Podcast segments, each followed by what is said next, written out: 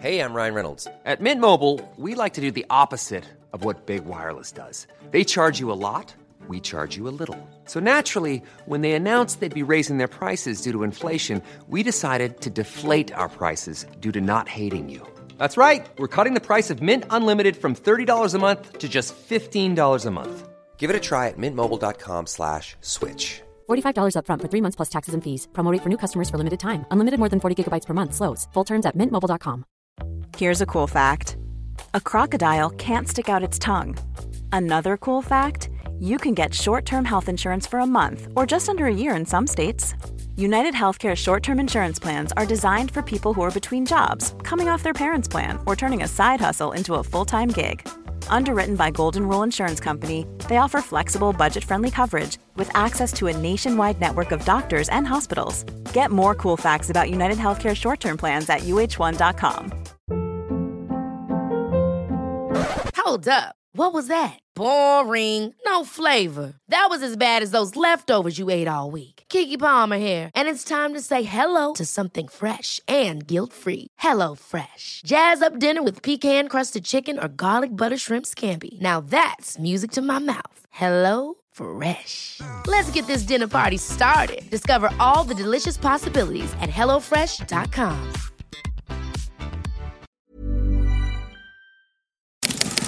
rullar det? Let's roll it. Du, vaknade du och kände dig väldigt tacksam i morse? Mm, nej, jag missade den lilla detaljen. Jag gör ju aldrig det.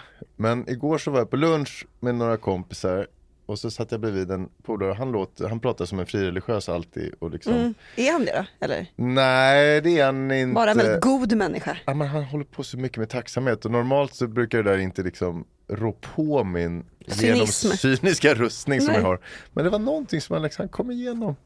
Ja. Kanske för att det är liksom lite hög, Ja, lite jultider och sådär. Och sen det jag gjorde då var att jag drack kopiöst mellan två och sju på eftermiddagen ungefär. Var det en lus? Det var en lus, men sen så började liksom min fru ringa och ge mig dåligt samvete och liksom skapa obehag i kroppen. och då gick jag hem och så sov jag åtta timmar och mår ganska bra idag. Och är lite tacksam för det. Ja, Vad tror ni? ja men det låter, det låter bra. Ja. Så man ska ta livet med tacksamhet.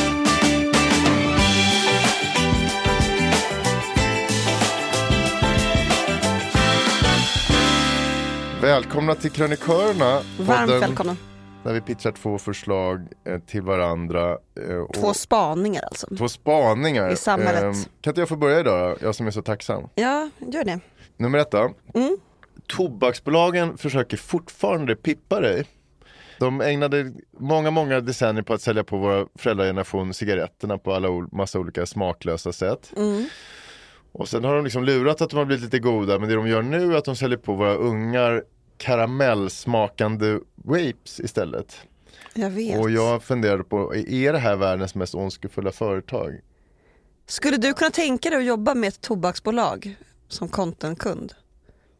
Har du några skrupler Är det bra där? betalt? Hur liksom, vad har vi för? Ja, var går dina gränser? Ja, en kantboll. Jo men kanske med sån här snusgrej möjligen. Jag vet inte Mm, riktigt. Ja, där har du min ena. Nummer två då, en tokoholists bekännelser. Känner du igen begreppet tokoholist? Är det någon som pratar för mycket? Ja men lite prata för mycket om sig själv, det är inte lite roligt begrepp? Det, jag Precis älskar sådana ord.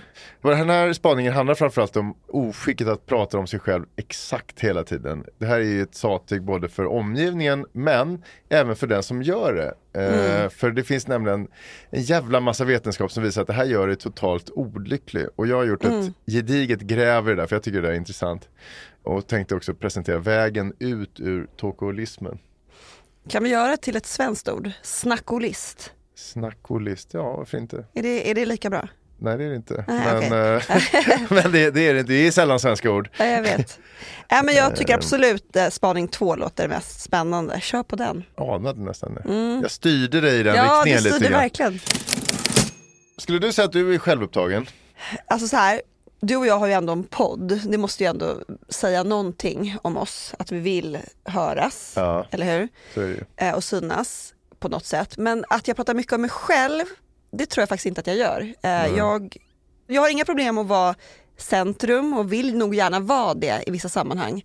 Men jag upplever att jag ofta är den som, som ställer frågorna till folk, driver Så samtalet. upplever du det. Så upplever jag. det. Du, jag, träffade din bror häromdagen förresten, han är jävla trevlig på, Ja, på han. Sveriges Radio. Skulle han eh, hålla med dig tror du? Ja det tror jag. Okej. Danne, säg nu inget annat.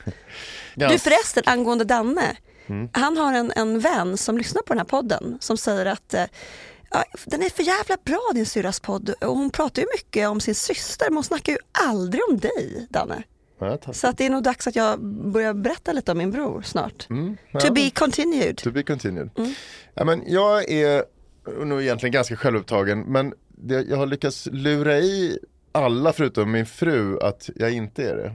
Hon har, jag är precis som du ganska bra på att ställa frågor och sitta och lyssna och sådär men hon som känner mig bäst Mm. Hon har facit. Ja, men hon har genomskådat mig fullständigt. Hon kan bli helt galen på min självupptagenhet. Hon, hon har liksom en återkommande grej som hon säger som är, är kul. Hon, hon tror, eller, jag går runt och tror att jag spelar huvudrollen i våra liv. Det är, liksom, det är hennes. Du går runt och tror att du liksom är det största namnet på affischen hela jävla tiden. Vet du hur jobbigt det är? Men det är, är ganska ju- underhållande det är när hon drar en- igång den här monologen. Men det är ju ett, Eh, ehm, målar upp den här affischen med jättenamnet högst upp. men det är ju en term Hugo, main character syndrome. Är det Det, är alltså, det, det trendar så hårt på Oj. TikTok och har gjort det senaste året. Och det, är ju liksom, det handlar precis om det du sa, att människor har en tendens att se sig själva som huvudpersonen Ja. i sin historia. Fast man är ju det i sin egen Ja, historia. men inte bara det, utan även i andras filmer. Ja men precis, det är väl det som är Och- problematiken här då gissar. Ja, och det blir ju jätteproblematiskt, eller hur? För att man måste ju acceptera att man är ju supporting actor i andra människors liv. Alltså man är andra fiolen. Säger du, säger du. Ja, och, Nej men hon eh, är väldigt klok min fru, hon har ju absolut inte fel. Och det Ja, men det är-. Jag menar att vara en supporting actor, förstår ni vilken fin eh, grej det är? Pris för bästa biroll, det är Christopher ju... Walken. And the Oscar goes to. Jag vet inte liksom vad som är hönan och ägget. Jag tror kanske att mitt yrke har fuckat upp mig lite grann. Mediebranschen är ju otroligt självupptagen generellt och att Mm. jobba som krönikör specifikt Mm. ger ju liksom ganska mycket feedback och återkoppling och den där lilla uppmärksamheten som man får skruvar till hjärnan lite grann tror jag. Jo det gör det och man lever ju på den. Man, blir ju, man mår ju väldigt bra när man får de här fina orden om Ja. någonting man har skapat eller skrivit. Ja, ja, ja, och det där är ju garanterat Ja, det jävla inte, inte synd. Och precis som du säger, bara att vi sitter här och har en podcast och det delar vore med ju oss av vår... töntigt om vi sa såhär, nej jag är inte självupptagen. Nej, Alltså, nej. nej. Så det på sätt och vore... vis är vi det, men jag menar, det finns ju verkligen värre fall på skalan om man säger så. Jag I hoppas det. umgängeskretsen, så kan man ju säga. Ja, men precis, men vilka är värst då? Det är vilken är den värsta yrkesgruppen? Jag har ju varit tillsammans med en eh, skådis. Ja, Det de var värst, ju fruktansvärt, alltså snacka om att... eh, Main character syndrome. character syndrome. Ja. Han lyssnade inte så mycket på det. Nej, han gjorde inte det. Och det var, det var väldigt mycket han hela tiden. Nej men de är väl rimligen värst. Det är väl det värsta kanske. Men ja, men och eftersom vi gillar att vara vetenskapliga här i vår podd eh, så tänkte jag ge er lite fakta om självupptagenhet som jag då har grävt fram. Ett amerikanskt universitet eh, har gjort en undersökning som visar att ungefär 40% av det vi snackar med våra medmänniskor om, rent generellt då, är på något sätt självrefererande. 40%. Mm. Det är ingen jättesmickrande siffra. Nej, det är det verkligen inte. Och sociala medier såklart mycket, mycket, mycket värre. Där har de mätt Instagram som är väl vanligaste sociala medier för vår generation gissar jag. Och där är vi uppe och touchar på 90% strecket, någonstans mellan 80-90%. Alltså det, det är en självupptagenhet som är total. Mm. Jag såg någon bild du hade lagt upp igår som var lite snygg i profil, så här, okommenterad. Det fanns ingen som helst anledning till det förutom Nej, att det är du bara vill fiskeri. Snygg, like, jättefin, Ja, men jag har, att inte absolut, jag har ett uppmärksamhetsbehov liksom bildmässigt att bli att någon ska säga så här, fan Ja. snygg du är gumman. Men det är ju en sida av självupptagenhet, absolut. Ja. ja men så sociala medier kan man ju För säga. Hugo, du, du, du skrev inget, jag fick ingen kommentar. Nej men det, jag tyckte det var alldeles för uppenbart att du liksom, då, då är det bättre att du straffas En genom tystnad. killkompis till dig skrev bara så här, oj. Ja, Det, nyskild. det tyckte jag var kul, ja Oj. verkligen, oj. Ja, men bortsett från kattfilmer och, och politisk propaganda så är ju alltså Insta någon sorts jävla självbiografisk mikroblogg. Eh, Den har ju fuckat upp en hel generation. Det har den gjort. Men, men den nyckelfrågan då i allt det här, det är varför pratar vi så jävla mycket om oss själva? Vad tror du? Ja, det är väl någonting som händer i hjärnan, alltså någon, någon stimulans som väcks. Det är exakt det det är. Här får du lite mer vetenskap då när vi pratar om oss själva inför andra människor så stimulerar det en del av hjärnan som skickar ut små belöningar. Eh, jag ber om ursäkt här redan innan för hur jag uttalar det här men ackumbenskärnan har jag läst mig till att Det det, låter kallas. inte ens som ett ord. Nej, men eh, jag reserverar mig för uttalet där. Men, men att babbla om sig själv ger på sätt och vis samma slags dopaminkick som sex eller som att betta på grejer eller som att dricka sprit. Det är liksom en super payoff som kommer direkt i form av en belöning. Ja. Då fattar man ju alla de där snubbarna, ibland tjejerna men nästan alltid snubbarna som du har suttit och lyssnat på genom hela livet. Som mansplainat. Som håller monologer och mansplainar som Ja. är liksom är så jävla jobbiga som oavsett vad konversationen handlar om alltid hittar ett sätt att hijacka samtalet och driva tillbaks den till sig själv. Och få det att handla om dem helt ja. enkelt. Någon har precis blivit lämnad och samma vecka som man upptäckte att man har testikelcancer och då kommer de där jävlarna, ja men det var ju som när jag förlorade i paddel och min katt dog. Ja, det är så jävla irriterande. Så var det inte alls, utan låt mig prata. Ja, men, och det här är ju någon sorts dopaminonani de håller på med. Det, det Men gud, är... vad- intressant för att det skrivs ju in nya ord i eh, ordlistan Mm. varje år. Och vet du att eh, dopaminfasta är ett av årets nyord? Och vad är det då? Det är när man håller sig undan från, eh, Från den typen av liksom, upplevelser för att man måste, man måste dopaminfasta ja. eh, i vårt samhälle. Jag tycker det var ganska kul ord. ja, verkligen. Nästa ska- år kan vi säga- dopamin, dopaminonani kan det vara med. Jag tycker det var bra. Dopamin ska man väl egentligen säga. Dopamin, ett Anders bra dopaminrunk dopamin. förlänger julhelgen. Conversational narcissism säger amerikanska psykologer om de här människorna. Och det de också pratar om att det här, det här kan utvecklas till ett beroende, precis som att betta och, och dricka. Ja, sex kan väl också utvecklas till ett beroende. Och så pratar de om talkoholism, det är såklart inget medicinskt begrepp ännu, men ändå lite kul. Hej, jag heter Elin och jag är snackolist. Snackolist. Ja men för precis som med betting och med sprit kan baksmällan nämligen bli ganska jobbig när man pratar för mycket om sig själv. Jo tack. Ja, men det har man ju vaknat upp någon gång sådär när man var ute och babblat för mycket om så här intima grejer dagen Ja, ja. efter.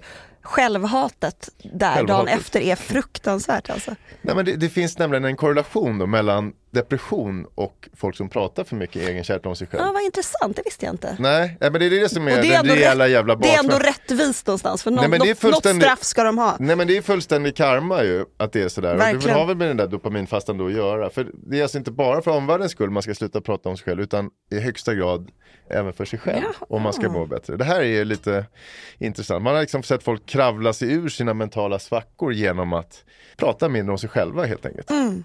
Och då kommer ju det såklart nästa fråga, hur fan gör man det? Flyttar ut i skogen typ. Du flyttar ut i skogen, en bra Ja, grej, det det, kan man såklart göra, gömma sig för allt och alla. Eh, samtidigt då kan man inte prata med någon egentligen. Med granarna. Ja, Man får inga svar men det är väl typ samma sak. kanske. Ja. Ja, men jag har googlat lite på det här också och hittat några exempel på lösningar som jag tyckte var lite intressanta. Mm. Det finns en författare som heter Dan Lyons, han har skrivit en hel bok med den intressanta titeln The Power of Keeping Your Mouth Shut in an Endlessly Noisy World.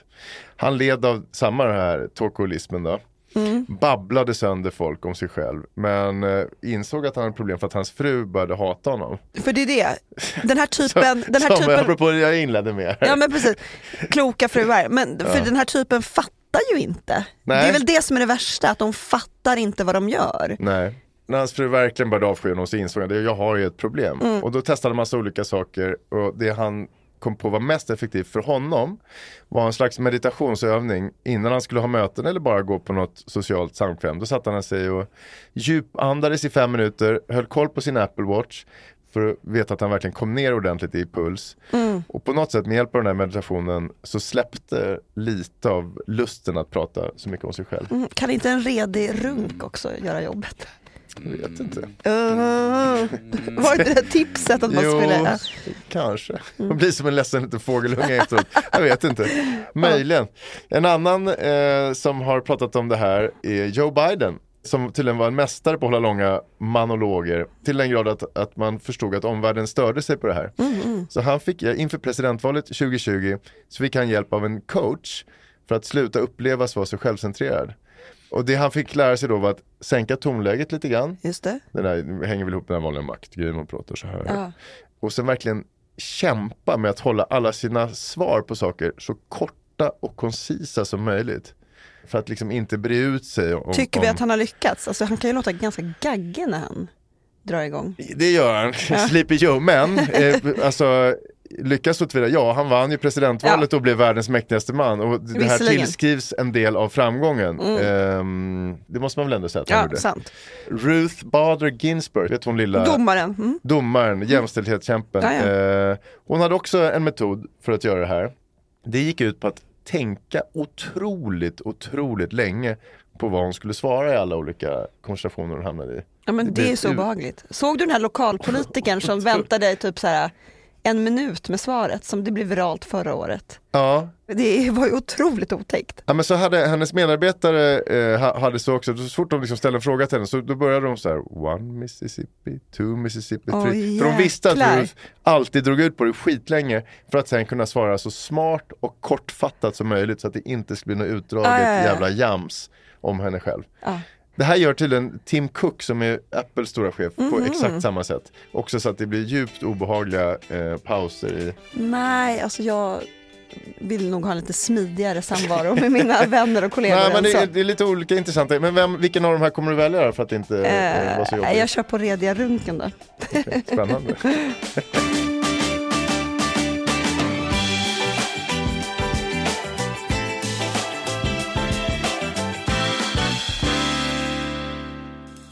min tur då. Nu är det mina två spaningar. Spännande. Spaning 1. Har du märkt att under de senaste 3-4 åren så har du haft fler konflikter med människor i din eh, närvaro? Då pratar jag om stora saker, alltså vaccin eller inte, Hamas, Israel. Att jag själv skulle ha haft eller att det är sådana Nej, att stora. det blir stora, alltså vi lever i en tid av hyperpolarisering. Ja, ja, och det här skapar problem för oss i, i, också i det lilla samhället. Det- Jag navigerar ju runt det för jag är så konflikträdd så att jag försöker undvika allt sånt som kan vara jobbigt. Men jag Äh, förstår om man, folk med mer civilkurage än jag kan säkert hamna i när de tycker saker. Ja men alltså hela liksom, flyktingfrågan, det, bör, men det, det är så mycket som det finns en hyperpolarisering Ja, ja, kring i dagens samhälle idag. Absolut. Så det tänkte jag prata om. Eller en ganska personlig sak som handlar om en livslång fobi som jag har haft och som jag inte blir av med och som fick mig att liksom ligga i fosterställning och darra. Och så hittade också mina kollegor mig på jobbet. Ja, nej men alltså Första rubriken görs ju varje dag i tidningarna hela tiden. Den andra har jag, den från Elin Klimper har man ju inte hört så det blir, måste ju bli nummer två. Lite ledande idag med. Ja, lite grann. Jag har hört grann. rykten om att folk tror inte att vi har två spaningar, så de tror att vi bara skriver en. Nej det stämmer ju inte. Nej, det stämmer finns inte. Två. Det Mm. finns ju två. Men det är klart man har en favorit. Men uh, ofta, ibland Hade vi haft ett konto nu hade vi kunnat ta bilder på våra två olika stolpmanus, men det har vi inte. Nej vi är boomers, vi har Ja, inga konton. nej. Vi pratar bara, det här är radio. Det är, Det är radio. god radio. På väg hem från gymmet för några veckor sedan så stötte jag ihop med en gammal vän. Hon var lika piffig som vanligt, alltid med så lite gnistrande diamanter i öronen, en vit tandrad, en hög hästsvans. Men något var lite Lite off. milfig sådär. Ja, verkligen milfig. Ja. Men något var lite off. Det var en eh, sur och lätt frätande doft som kom från hennes mun. Och jag ryggade tillbaka instinktivt. Ner. Hon berättade stolt att hon hade klarat av den tionde och sista KBT-behandlingen för sin emetofobi. Vet du vad det är? Nej, Emetofobi. nej. Jo, det är alltså rädslan för att kräkas och se andra människor göra detsamma. Och det här hade tydligen gått så långt att hon checkade in på hotell varje gång som ungarna åkte på någon slags maginfluensa eller vinterkräksjuka. Det är Så hon var ju sant. tvungen att göra någonting åt det.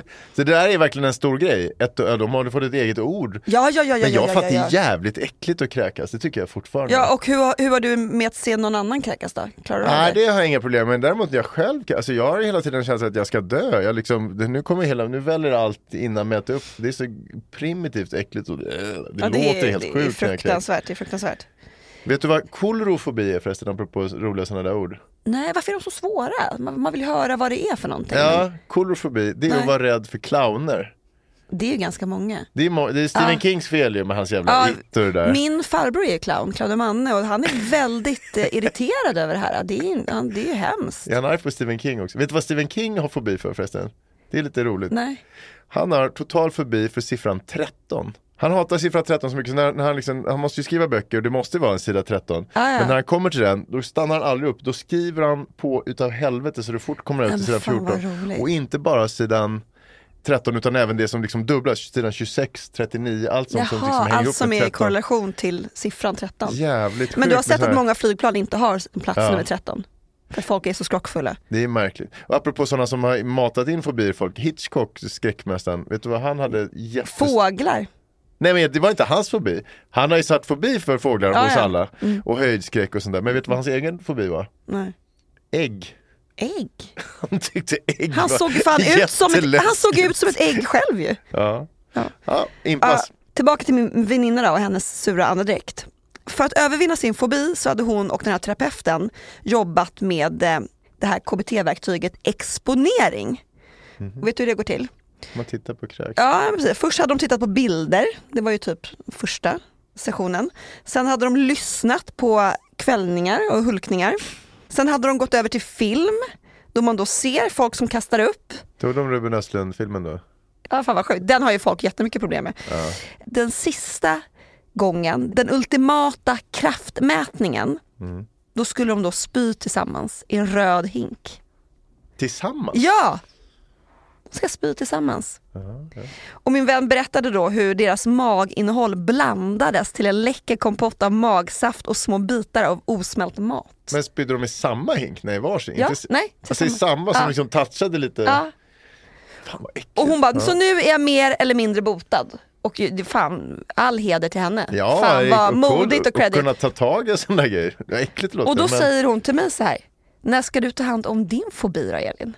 Så jävla jobbigt att bolla över det till mig! Ja. Och nu kommer det då, vad vad är det du håller på här, Är det precis, ägg? här, här på gatan, då får jag alltså hjärtklappning, jag börjar kallsvettas, så reagerar min kropp. Mm. För bara att jag tänker på råttor så fylls jag av så stort liksom, obehag att jag vill skrika rakt ut. Men det är ganska mycket råttor i Stockholm nu. Skoja inte, särskilt på Östermalm. i Ja, jag bor ju på vid en 7-Eleven Det är så på Storgatan. vidrigt. Det är jättemånga, det är, det är ofta en stor jävel när jag ska gå ner och köpa lösgodis där. Inne i butiken. Alltså, förmodligen är så ingen bra reklam för de där stackarna men det är det. Förmodligen föddes min musofobi. För det heter faktiskt så. Det är typ ett, en av de enda fobierna som man förstår vad det är. Ja, musofobi. Och det är ja. för både råttor och möss då.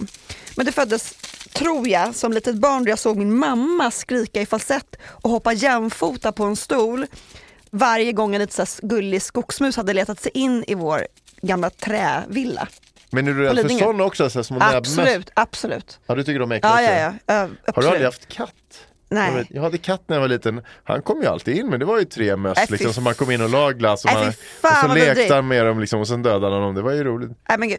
Och den här fobin accentuerades för några år sedan. Det var en sommar då jag kom tillbaka till kontoret efter en månads semester. Och då har det liksom varit stängt där. Ingen har varit där. Och så drar jag upp dörren till toaletten och då möts jag av en så jävla märklig syn. På golvet så ligger det så här toalettrullar i en enda röra. Det är papper överallt och sen i hela det här marmorfärgade golvet dekorerat av svarta kluttar. Sen ser jag en tovig varelse i 25 centimeters klassen som har en bit toalettpapper i munnen. Som Fem, det är nästan en hel sveper, linjal, det är jättestort. så jävla vidrigt, som sveper över rummet och hoppar rakt upp i toalettstolen och dyker ner i klosetten och försvinner. Vadå, är det så? Kan de simma där och leva där nere? Japp. Fan vad så äckligt. kommit ut. Och då kan du också tänka på att de kan komma upp när du sitter där. Alltså jag springer fram, det sista jag ser är alltså en fet svans som försvann ner i Bara ringlar vattnet ner. som en snok. Men vadå, kan de andas under vatten de där idioterna? De Det kan simma. Ja. Ja, just det. Och när vad mina kollegor hittade mig den morgonen så låg jag då i fosterställning i vår sammetssoffa och var inte talbar. Alltså första dagen efter semestern. Så jävla obehagligt. Har du kunnat vända det till något vettigt då? Det vi första vi gjorde var att installera det som en liten giljotin i toalettstolen. Så när de försöker ta sig upp så blir de halshuggna. Hur Alltså- gör man det? La, la, Ja, i röret, i röret, man ser inte men det Det är... är Ja. Så ni fick lägga liksom privata Klintberg Nylén-pengar på att absolut, sådär på en giljotin ja. ja.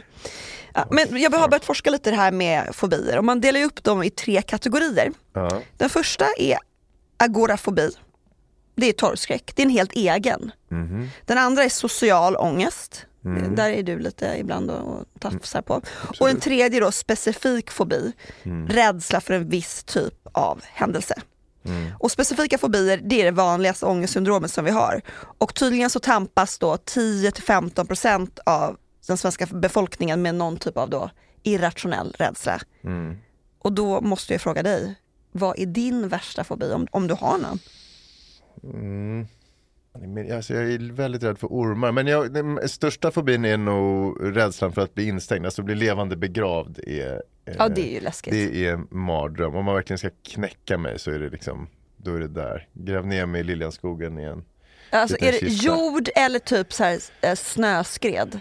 Nej det är nog i en kista där man inte Ja, kan röra sig. Jag tror att det är det, men jag har sett så mycket film. Senast var det senaste säsongen av Bosch. Ser du den? Den är Nej, inte alls så nej, jag dum faktiskt. Då var det vars dotter blev instängd ute i Nevadaöknen i en, i en kista. Jag kan inte se det. Vilket det hemskt sätt att dö på. Ja men så jävla, sen han hittar den är såklart, spoiler. Men, eh, Men jag var tvungen att snabbspola hela det avsnittet för jag mår så dåligt när hon ligger där och så får lite luft och så ramlar det ner någon skorpion. För jag Alltså, bara är minns så- att du sa till mig, alltså när jag skulle till Thailand senast så sa du så här, kul för dig men det finns jättemycket ormar där.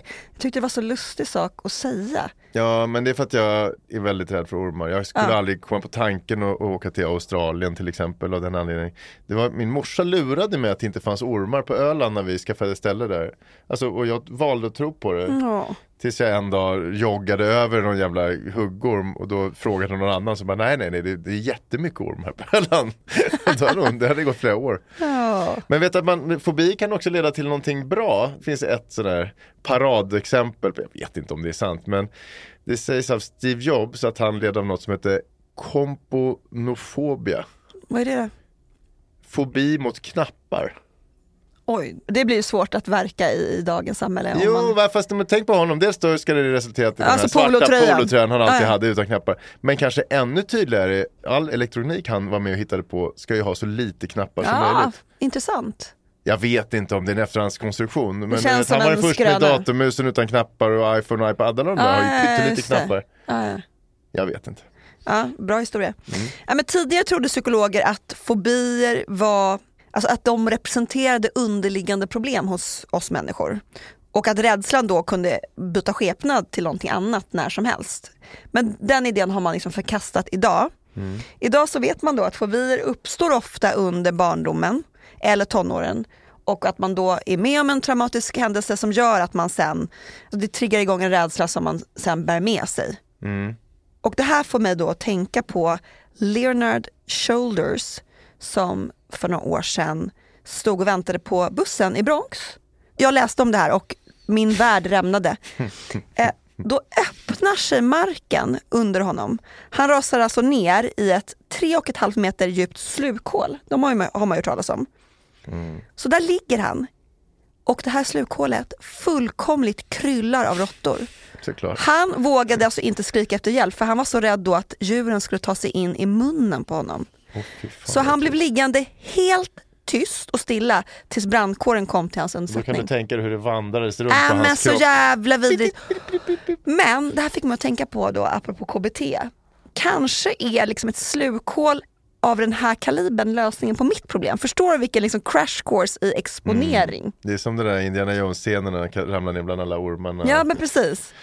Ja, är det något, är du, Nej, funderar du på allvar på alltså, att göra det? Men jag känner så här, än så länge så undviker jag smala gränder, Mm. källare, avloppssystem, offentliga papperskorgar, parkbänkar Mm. och att besöka det där badrummet på mitt kontor. Eh, Det gör du inte? nej, det är inte att tänka på. Det är ju tur att fältöversten runt hörnet har så pass fräscha kundtoaletter. Ja, bra!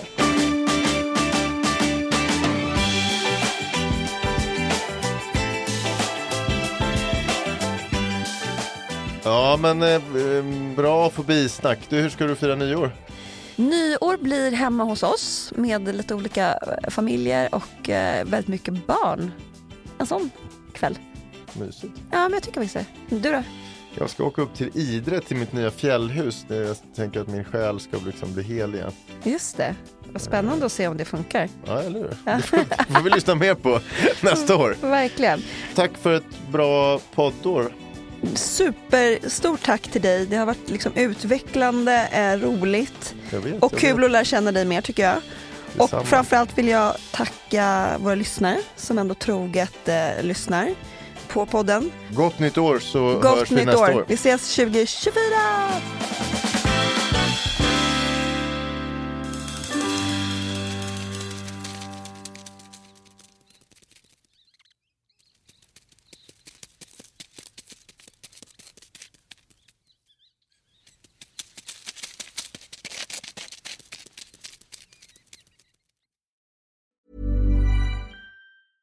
Ryan Reynolds here from Mint Mobile. With the price of just about everything going up during inflation, we thought we'd bring our prices down. So to help us, we brought in a reverse auctioneer, which is apparently a thing. Mint Mobile unlimited premium wireless. Ready to get 30, 30, bit to get 30, bit to get 20, 20, 20, bit to get 20, 20, bit to get 15, 15, 15, 15 just 15 bucks a month. So, Give it a try at mintmobile.com slash switch. $45 upfront for three months plus taxes and fees. Promo rate for new customers for limited time. Unlimited more than 40 gigabytes per month. Slows. Full terms at mintmobile.com. Cool fact a crocodile can't stick out its tongue. Also, you can get health insurance for a month or just under a year in some states. United Healthcare short term insurance plans, underwritten by Golden Rule Insurance Company, offer flexible, budget friendly coverage for you. Learn more at uh1.com. Ever catch yourself eating the same flavorless dinner three days in a row? Dreaming of something better? Well, HelloFresh is your guilt free dream come true, baby. It's me, Kiki Palmer. Let's wake up those taste buds with hot, juicy pecan crusted chicken or garlic butter shrimp scampi. Mm. Hello Fresh. Stop dreaming of all the delicious possibilities and dig in at HelloFresh.com. Let's get this dinner party started. Planning for your next trip? Elevate your travel style with Quince. Quince has all the jet setting essentials you'll want for your next getaway, like European linen, premium luggage options, buttery soft Italian leather bags, and so much more. And is all priced at 50 to 80% less than similar brands. Plus, Quince only works with factories that use safe and ethical manufacturing practices. Pack your bags with high-quality essentials you'll be wearing for vacations to come with Quince. Go to quince.com slash pack for free shipping and 365-day returns. Imagine the softest sheets you've ever felt. Now imagine them getting even softer over time. That's what you'll feel with Bowl and Branch's organic cotton sheets. In a recent customer survey, 96% replied that Bowl and Branch sheets get softer with every wash. Start getting your best night's sleep in these sheets that get softer and softer for years to come. Try their sheets with a 30-night guarantee. Plus, get 15% off your first order at bowlandbranch.com. Code BUTTERY. Exclusions apply. See site for details.